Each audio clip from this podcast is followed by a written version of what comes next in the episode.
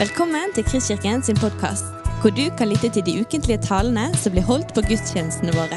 Vi håper denne podkasten vil inspirere og utfordre deg til å kjenne Gud, elske mennesker og tjene vår verden. Så det leser vi sammen fra Johannes' eh, åpenbaring, kapittel 3, vers nummer 1 til 6. Skriv til engelen for menigheten i Sardes. Dette sier han som har de sju Guds ånder og de sju stjerner. Jeg vet om dine gjerninger. Det heter om deg at du lever, men du er død. Våkne opp og styrk det som er igjen, og, holder, og som holder på å dø. For jeg har funnet at dine gjerninger ikke holder mål i min Guds øyne. Husk derfor hva du tok imot og hørte. Hold fast på det og vend om. For hvis du ikke våkner, skal jeg komme som en tyv, og du skal ikke vite timen når jeg kommer over deg. Men du har noen få i Sardes som ikke har skitnet til klærne sine. De skal gå med meg i hvite klær, for de er verdige til det. Den som seirer, skal bli kledd i hvitt, og jeg vil aldri stryke navnet hans ut av livets bok, men kjennes ved navnet hans for min far og hans engler. Den som har ører, hør hva Ånden sier til menighetene. Fra tid til annen så hører vi eh, kjente personligheter gå offentlig ut mot et rykte som er blitt eh, fremsatt om de. Jeg lurte på om jeg skulle bruke eksempler, men jeg kom frem til at det kunne bli litt utleverende. så vi bare sier det sånn generelt. De vil unngå at det blir eh, tegnet et eh, bilde som de mener ikke samsvarer med virkeligheten, og har derfor behov for å korrigere det inntrykket som har blitt skapt. Og så får det da stå sin prøve at de ved å dementere ryktet jo risikerer å bidra til at ryktet blir ytterligere spredd. Men det betyr noe hvilket rykte vi har, hvilket inntrykk omgivelsene har av oss. Og dette er ikke bare et produkt av sosiale medier. Den eh, opplevde verdien av et godt rykte, et godt omdømme, den er mye eldre enn det. Men den store informasjonsstrømmen rundt oss bidrar nok til at vi alle noen ganger kan bli en slags sånn PR-agenter på våre egne vegne. Og vi har fått flere verktøy til å tegne det bildet av oss sjøl som vi ønsker at omgivelsene skal se. Men uansett innsats så har vi begrensede muligheter når det gjelder å påvirke vårt eget omdømme. Heldigvis, kan vi på mange måter si. For ellers ville jo en dyktig løgner kunne tegne et helt feilaktig bilde av seg sjøl. Men det ser ut som at vi mennesker er villige til å la oss lure til å la oss eh, blende, til å la oss imponere av det som kan synes storslått, spektakulært, sjarmerende, morsomt eller sterkt. Som Margunn leste i sted For mennesker ser det som øynene ser, hørte vi fra 1. Samuels bok 16.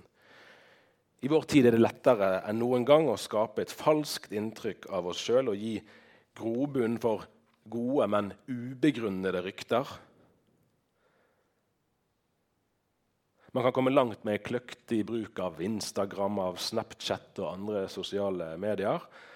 Og det er jo selvfølgelig ikke bare for tenåringer det gjelder. må vite.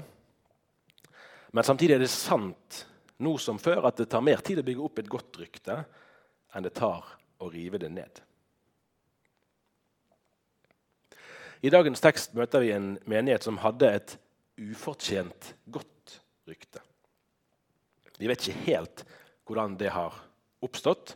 Antagelig har menigheten bidratt til det sjøl, med eller uten hensikt.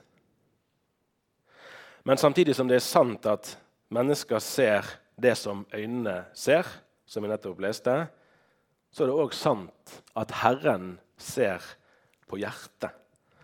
Sardes menigheten var gjennomskuet. Noen ganger i livet har vi kanskje alle fått sånne sterke aha-opplevelser når det viste seg at det inntrykket vi hadde av et menneske, var feil. Kanskje var det noen vi ikke likte så godt, som viste seg å ha sjeldent gode kvaliteter. Kanskje var det omvendt, at vi ble dypt skuffet av noen vi i utgangspunktet hadde et godt inntrykk av. Umiddelbart kan vi kanskje føle mest eh, behov for å dvele ved det siste, altså de gangene vi blir sviktet eller skuffet eller såret eller provosert eller til og med krenket av mennesker vi har vært glade i og har hatt tillit til. Mennesker som hadde et godt rykte, eller som vi hadde et godt inntrykk av. Og Det kan være nødvendig å dvele ved slike erfaringer for å få bearbeidet dem. Samtidig kan dagens tekst òg være en utfordring til å tenke over hvilke mennesker vi har møtt som vi først ikke hadde et så godt inntrykk av, men som seinere har imponert oss. Litt motsatt av Sardes, med andre ord. For tre år siden så skrev eh, frikirkepastor Dagfinn Sterk boken 'Steinene roper'. Den handler om den tidlige kirken i Nord-Afrika.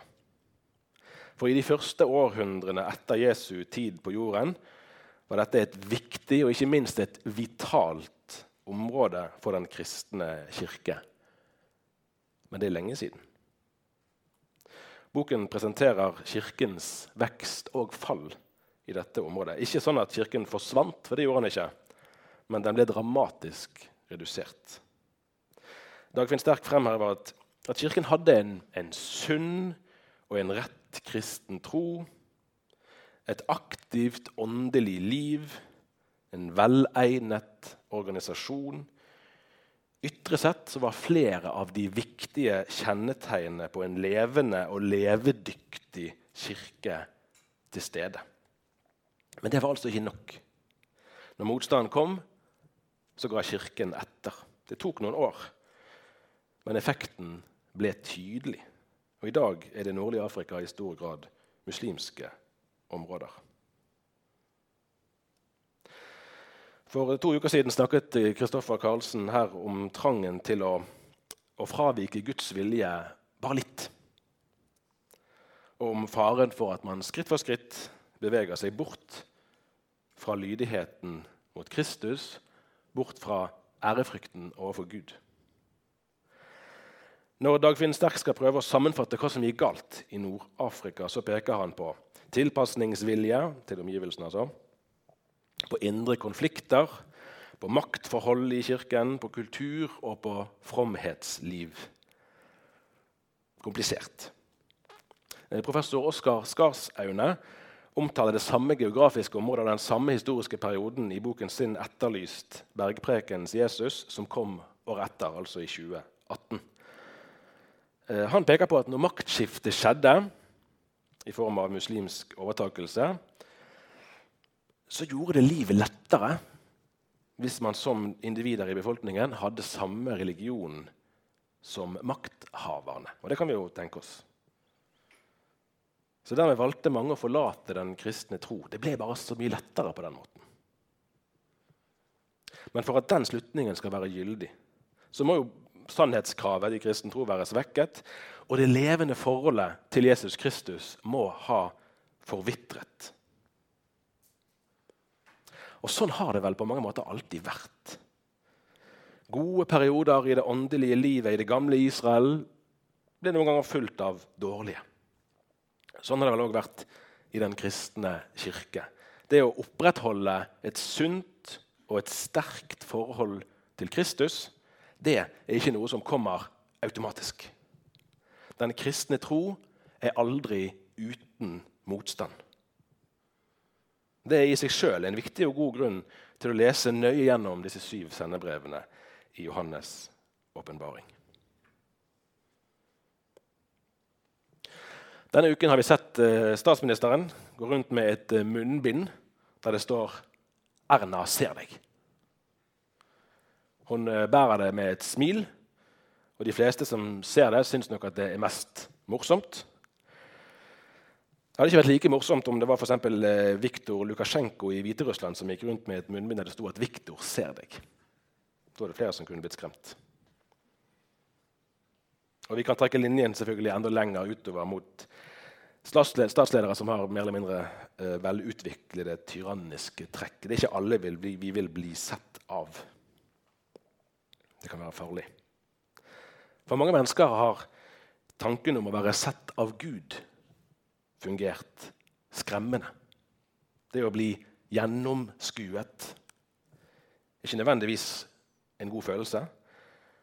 Og kanskje særlig hvis man ikke finner noe sted å gjemme seg. Så det at Gud ser på hjertet, kan være en ubehagelig tanke. For det minner oss om at vårt eget iherdige strev for å bygge opp et godt omdømme har begrenset potensial. Vi kan nok lure oss sjøl, kanskje vi kan lure omgivelsene våre, men vi lurer ikke Gud. Da er det godt å huske på at det siktemålet som vi møter igjen og igjen i sendebrevene og i Bibelen, i det hele tatt, det er at Gud vil at mennesker skal bli frelst, og han vil at navnene våre skal bli skrevet opp og bli stående i livets bok. Eller som Paulus sier det i Efeserne 5, og det tror jeg at vi får opp her. Slik ville han selv Stemmer det? Jeg ser ikke det. Jo da. Slik ville han selv føre Kirken frem for seg i herlighet, uten den minste flekk eller rynke. Ikke gjennom iherdig omdømmebygging, altså, men ved tro til Gud. I 2009 eh, så skrev eh, mangeårig NRK-korrespondent, den nå avdøde Jan Otto Johansen, en bok som het 'Mitt liv med moder Russland'. Der presenterer han en analyse av Han kaller det for et ideologisk tomrom. Kanskje litt eh, krevende. Eh, men altså et ideologisk tomrom i Sovjetunionen på andre halvdel av 1900-tallet. Det er en antropolog som heter Aleksej Jurtsjok, som har foretatt selve analysen. og Han mener at sovjetideologien mange av dere husker dette, den gikk egentlig mot slutten allerede da Josef Stalin døde i 1953. Fra da av så skjedde det ikke noen fornyelse. Men staten besto jo i mange år etterpå likevel tror vi får opp det. Ja. Det var Ja, nei ser, kan, kan jeg se det der? Jeg ser ingenting. Ja, ja. Nei, det var ikke der. Vi er ikke kommet dit ennå. Det var de gamle politiske frasene som ble gjentatt og gjentatt til det kjedsommelige. Og den unge generasjonen tok ikke lenger dette alvorlig. Jeg leser det en gang til, siden vi ikke har det på skjermen. Det var de gamle politiske frasene som ble gjentatt og gjentatt til det kjedsommelige, og den unge generasjonen tok ikke lenger dette alvorlig. Det er analysen av det som skjedde i Sovjetunionen etter Stalins død. Vurderingen beskriver et system i indre forfall. Sånne endringer skjer som regel gradvis eller trinnvis. Det er ikke sikkert man legger merke til hva som skjer der og da. Men hvis de ideologiske eller i vårt tilfelle teologiske standpunktene blir sånne formularer eller fraser som vi etter hvert gjentar uten å forstå eller egentlig ta stilling til hva de betyr, så er vel vi òg på vei mot å bli redusert til et rykte. Det tar kanskje litt tid, men løpet er lagt. Hvis ikke den unge generasjonen får ordentlig grep om hva det handler om, og tar det i eie, da er vel toget egentlig gått. Og enda verre er det hvis til og med ikke de eldre generasjonene altså Hvis de òg glemmer hva som er saken, eller nøyer seg med å gjenta noen tillærte fraser uten at hjertet henger med. Det heter om deg at du lever, men du er død, leser vi i dagens tekst. Den amerikanske forfatteren Mark Twain er bl.a. kjent for sitatet Ryktet om min død er betydelig overdrevet. Eh, kong Harald gjorde jo Twains ord til sine da han i oktober 2017 talte til stortingsrepresentantene en måned etter at Norsk Telegrambyrå ved en feil hadde sendt ut melding om at kongen var død. I begge tilfellene så kunne jo selve livet vitne ganske effektivt om at ryktet om døden manglet rot i virkeligheten. I teksten vår er problemet motsatt. Menigheten har rykte på seg for å være levende. Men ryktet er altså ufortjent, viser det seg. Og Noen ganger kan også både menigheter og mennesker få et ufortjent dårlig rykte. Andre ganger kan situasjonen altså være motsatt, at mennesker og menigheter kan få et ufortjent godt rykte. og Det ser altså ut til å være tilfellet for menigheten i Sardes. Men hva var så problemet? Jeg vet om dine gjerninger, leser vi før den alvorlige diagnosen. Menighetens gjerninger var tydeligvis gode eller fromme nok til å beholde kristennavnet, til å beholde et visst omdømme blant mennesker. Men Guds ransakende blikk hadde oppdaget noe annet. En tidligere bibelskolelærer som heter Lars Eritsland, skriver at det liv de en gang fikk ved troen på Jesus Kristus, det hadde dødd bort. Bare formen, det ytre og navnet står igjen. Så Derfor lyder kallet 'våkn opp'. Så finnes det tydeligvis en, en, rest av liv i menigheten. Og denne kan bli kimen til en revitalisering. Sannsynligvis har menigheten fortsatt kunnskap om evangeliet, men de har glemt å ta imot det ydmykt. Med et litt gammelmodig ord så kan det se ut for at det står dårlig til med botferdigheten. Altså med erkjennelsen av behovet for omvendelse. Og Det kan korrespondere godt med det generelle bildet vi får av byen Sardes, som det altså i dag bare er ruiner igjen av i dagens Tyrkia. Byen ligger en fem-seks mil type, sørøst for Tiatira, som Kristoffer snakket om sist. Sardes var et knutepunkt, en aktiv handelsby, ganske velstående. Når jeg leste om det, så kom jeg over et ord som jeg ikke har hørt om siden jeg leste Donald Duck som barn. For da sto det av og til om noen som oppførte seg som en kong Krøsus. Noen husker kanskje det? Eh, den, vel, den, metaforen er vel ikke like utbredt i dag, kanskje. for å si det sånn. Men en krøsus er jo som selve, selve inkarnasjonen av rikdom. Eh, og det passer godt til inntrykket av Sardes som en by med en uberettiget høy selvforståelse. Byens innbyggere innbilte seg at de var mer eller mindre uinntakelige. Det hadde også sammenheng med at det var bare en vei inn i byen langs en åsrygg, og den var visstnok lett å forsvare, trodde de. Det fantes nærmest loddrette fjellsider, og disse ble vurdert som umulige å bestige. Så de trodde at de var trygge. Men likevel ble byen inntatt både én og to ganger i århundrene før Kristus. Så selvgodheten fikk seg en knekk og to men det var tydeligvis ikke nok til at det avstedkom den ydmykheten som ville ha vært på sin plass.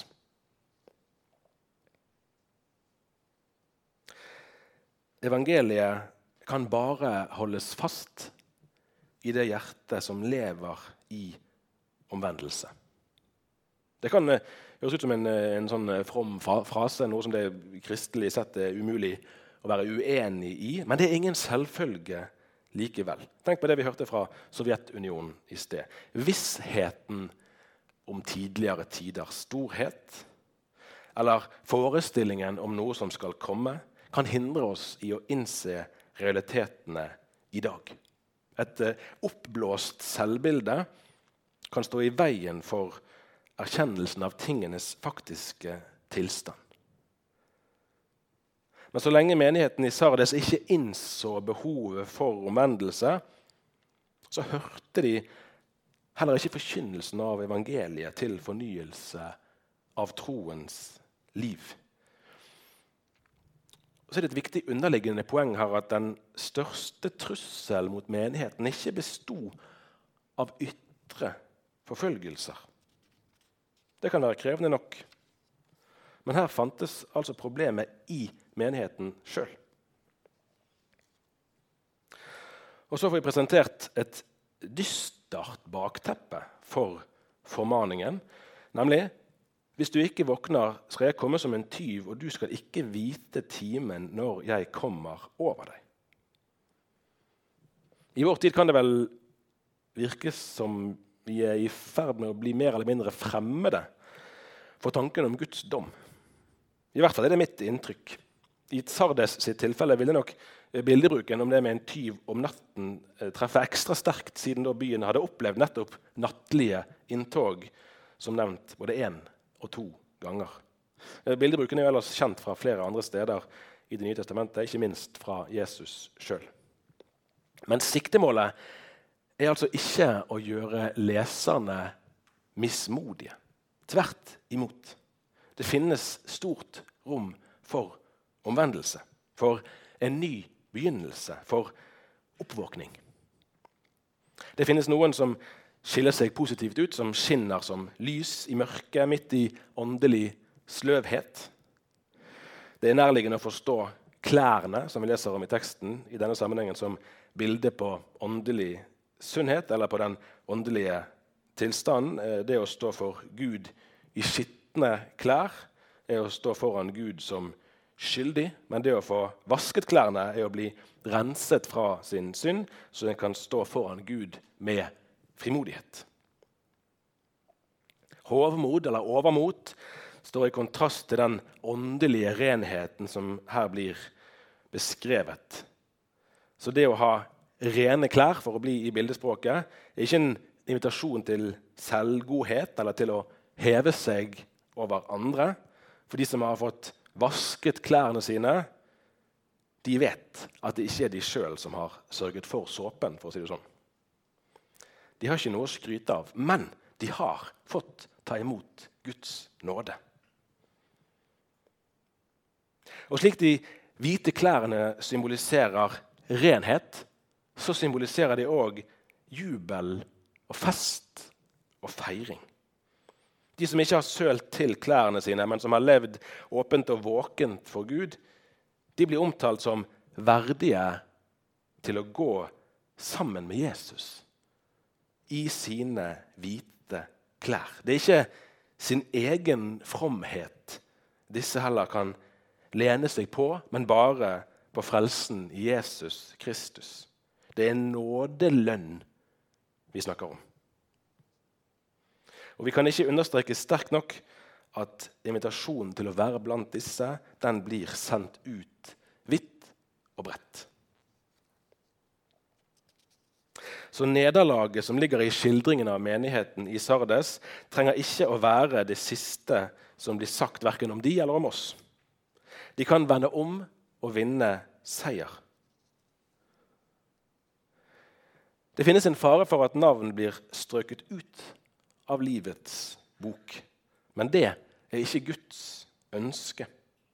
Når vi i protestantiske sammenhenger snakker om frelsesvisshet, så må vi ikke tenke at barnekår hos Gud er noe vi kan ta som en selvfølge, og noe vi kan ta i eie som en egen meritt, som noe vi har gjort oss fortjent til. Så den grunnleggende kampen som vi møter i Sardes-menigheten, finner vi egentlig alle steder.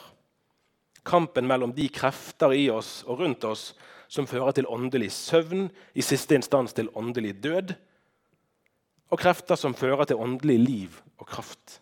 Vi kan fint opprettholde både gudstjenesteliv og annen kristelig aktivitet, sånn at det blir dannet inntrykk av, eller rykter om, åndelig vitalitet. Men spørsmålet er ikke hva slags rykter vi gir grobunn for. Spørsmålet er hva Jesus ser. Og Gud lar seg ikke lure av rykter. Derfor trenger vi å bøye oss for Gud og bekjenne våre synder og ta imot hans tilgivelse på nytt. Den ydmyke takknemligheten som kommer av å ha fått ta imot frelsen i Jesus Kristus, den kan og bør minne oss om at vi har vunnet trygghet for liv og død. Derfor kan vi være ydmyk og frimodig samtidig. Ydmyk fordi vi vet at kreftene som drar oss bort fra Gud, fortsatt finnes. Og at heller ikke vi går fri fra de fristelsene som menigheten i Sardes fikk erfare men samtidig frimodig fordi historien ikke slutter der. Fordi Gud fortsatt vil vekke til frelse, til et liv i etterfølgelse av Jesus Kristus. Alle disse brevene avsluttes med setningen 'Den som har ører, hør hva Ånden sier til menighetene'. Dette var noe av utgangspunktet for taleserien som vi nå befinner oss midt i. Når vi har beveget oss i frikirkelige miljøer eh, lenge nok, så kan det hende at det å snakke om Guds tiltale til oss blir en, en dagligdags ting. Det kan gå, inflasjon i det å, hevde at Gud har sagt både det ene og det andre. Og det er alltid en fare for at vi forveksler vår egen vilje og våre egne tanker med Guds, og dermed setter Guds stempel på det vi egentlig har funnet på sjøl. Derfor trenger vi å snakke om Guds tiltale, om Åndens stemme med ærefrykt. For det at Gud taler til menighetene, det er et dyrebart privilegium. En påminnelse om Jesu løfte til disiplene. 'Jeg er med dere alle dager inntil verdens ende. Så kunne det ha stått 'Den som har ører, hør hva Ånden sa til menighetene'. Og I en forstand er jo det sant, for disse brevene ble skrevet for lenge siden. Derfor trenger vi å kjenne sammenhengen de ble skrevet inn i, for å forstå dem best mulig. Men utover det historiske leser vi disse brevene som Åndens tiltale til menighetene også i dag. Gud snakker til oss gjennom det vi leser. Det kan jo høres ut som noe som burde diagnostiseres, at vi hører stemmer inni hodet. Men for den kristne kirke er dette en umistelig skatt. Jesus lovet disiplene at han ikke skulle etterlate dem med oss alene. Han skulle sende Den hellige ånd, som skulle veilede dem og dermed oss. Så hvis vi ønsker å kjenne Gud og hans kraft, hvis vi ønsker å erfare Guds nærvær i oss og rundt oss, hvis vi ønsker å se Guds rike gå frem, så trenger vi å høre hva Ånden sier til menighetene. Vi trenger ikke å ta til takke med kvakksalveri, med falske profeter, med hjemmesnekret religion eller med alternativ medisin. For å forstå vår egen åndelige helse og for å få tilgang til den beste medisinen kan vi søke direkte kontakt med den åndelige overlegen. En av, eller kanskje Den mest inspirerende åndelige erfaringen jeg har hørt om i løpet av koronatiden så langt, den fant sted før jeg ble født, helt tilbake i 1977. Eh, mangeårig OASE-leder Jens Petter Jørgensen han fortalte om det når jeg intervjuet han i sommer i forbindelse med Eh, de skulle ha feiret 40-årsjubileum for Oase i sommer. Han fortalte om det som ble kalt for Hellig åndsseminaret i Storsal i Oslo i 1977. Og det var det vi fikk opp her så vidt i sted. Jeg skulle sitere to avsnitt fra det intervjuet til slutt i dag. Skal vi se Kanskje han gikk tom for strøm, den her. Ja, ja. Vi leser. Dette er jo da fra dagen eh, en eller annen gang i mai eller juni. du skal ikke.